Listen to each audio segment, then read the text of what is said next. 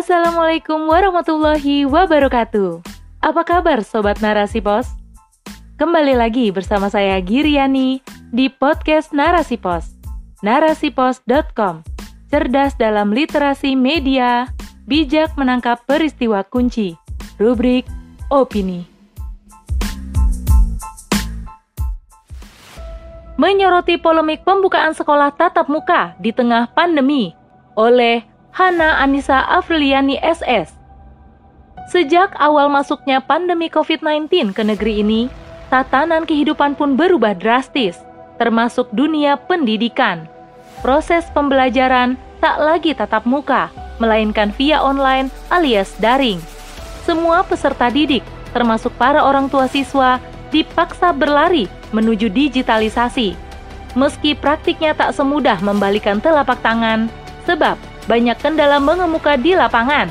Misalnya, masih banyaknya siswa, bahkan orang tua yang gagap teknologi, ketiadaan peralatan yang menunjang pembelajaran daring seperti smartphone atau laptop, kesulitan sinyal, kesulitan membeli kuota internet, dan lain sebagainya. Belum lagi kendala dalam teknis pembelajaran. Banyak guru yang kesulitan menyampaikan materi pembelajaran via daring, sebab keterbatasan kemampuan dalam membuat bahan ajar. Maka tak heran jika banyak sekolah yang akhirnya kehilangan ruh pembelajarannya karena minimnya efektivitas dalam proses belajar mengajar. Wajar pula jika para orang tua mengeluh atas pembelajaran daring ini, sebab anak didik sulit menangkap materi dan orang tua harus dibebani untuk mengajar ulang anak-anak mereka di rumah. Akhirnya, beberapa orang tua berharap pembelajaran tatap muka atau PTM kembali dibuka demi efektivitas pembelajaran serta demi meringankan beban orang tua yang terpaksa menjadi guru di rumah.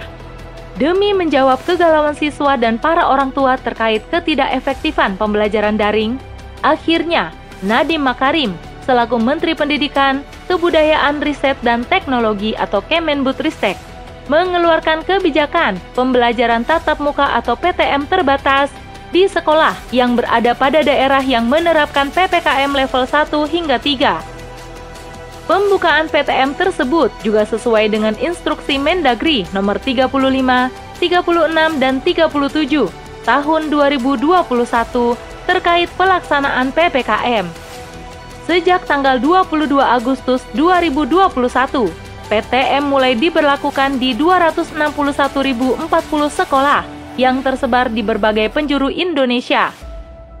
Menurut Wiku Adi Sasmito, selaku juru bicara Satuan Tugas Penanganan COVID-19, pelaksanaan PTM di masa pandemi ini dilakukan secara ketat dengan menerapkan protokol kesehatan serta durasi belajar yang terbatas. Namun, kebijakan tersebut akhirnya menuai kontroversi.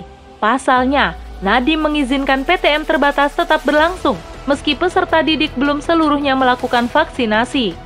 Sebagaimana diberitakan oleh radarbogor.id bahwa Perhimpunan Pendidikan dan Guru atau P2G sangat menyayangkan pernyataan Menteri Pendidikan Kebudayaan Riset dan Teknologi tersebut. Sebab memang sejauh ini vaksinasi anak usia 12 hingga 17 tahun secara nasional dinilai masih lambat. Berdasarkan data Kementerian Kesehatan, tercatat bahwa vaksinasi anak baru mencapai 9,34 persen atau 2.494.621 untuk dosis pertama. Sementara vaksin dosis kedua sudah 1.432.264 atau 5,36 persen. Adapun dari jumlah tersebut, sasaran vaksinasi anak usia 12 hingga 17 tahun sebanyak 26 juta 705.490 orang. Sebagaimana kita ketahui bahwa vaksinasi untuk anak di bawah usia 12 tahun belum tersedia, sementara peserta didik untuk level TK dan SD tentu saja berada di usia yang belum mendapatkan vaksinasi tersebut. Di sisi lain, vaksinasi sendiri masih memunculkan polemik di tengah masyarakat, mulai dari beredarnya isu soal kandungan vaksin yang berbahaya sehingga membuat masyarakat menjadi takut divaksin. Sampai karut-marut birokrasi untuk mendapatkan vaksin yang sulit dan berbelit-belit, khususnya untuk masyarakat yang jauh dari perkotaan. Pendidikan hakikatnya adalah kebutuhan dasar masyarakat yang wajib diselenggarakan oleh negara. Sebab, pendidikan merupakan salah satu ornamen kehidupan yang vital demi terciptanya generasi berkualitas pembangun peradaban.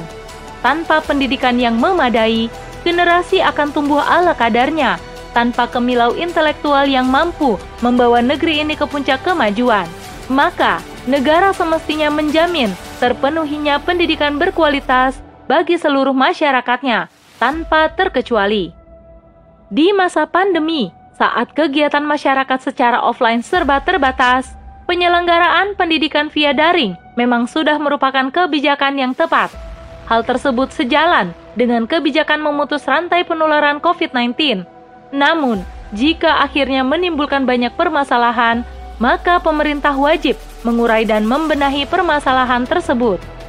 Jika yang banyak dikeluhkan oleh orang tua adalah soal sinyal, kuota, dan gadget, tentu saja pemerintah perlu menjamin terpenuhinya semua hal tersebut, karena ketiganya merupakan penopang utama kelancaran pembelajaran via daring. Pemerintah perlu memastikan bahwa sinyal internet telah menjangkau ke seluruh wilayah di Indonesia, termasuk daerah-daerah terpencil. Gadget dan kuota pun perlu disupport oleh pemerintah terutama siswa dari keluarga yang kurang mampu, karena hal tersebut sebagai bagian dari riayah negara terhadap rakyatnya. Dalam pandangan Islam, pendidikan berkualitas wajib dijamin oleh negara, karena sejatinya tujuan pendidikan dalam Islam adalah untuk membentuk generasi berkualitas yang tak hanya unggul dalam penguasaan sains dan teknologi, tetapi juga memiliki kepribadian Islam yang mapan. Maka, sistem pendidikan Islam akan berupaya menerapkan kurikulum pendidikan berbasis akidah Islam yang pada praktiknya akan menegakkan proses belajar yang menancap di jiwa dan membangkitkan pemikiran. Dalam sistem Islam, baik di masa pandemi ataupun tidak, pendidikan berkualitas akan selalu diupayakan oleh negara, sehingga rakyat dapat memperoleh haknya. Sungguh berbeda dengan sistem kapitalisme hari ini, negara seolah ala kadarnya menyediakan layanan pendidikan bagi rakyatnya. Alokasi dana untuk pendidikan tidak lebih besar dari dana untuk membayar utang dan pembangunan infrastruktur. Akhirnya wajar jika sektor pendidikan kian megap-megap menghadapi tsunami pandemi.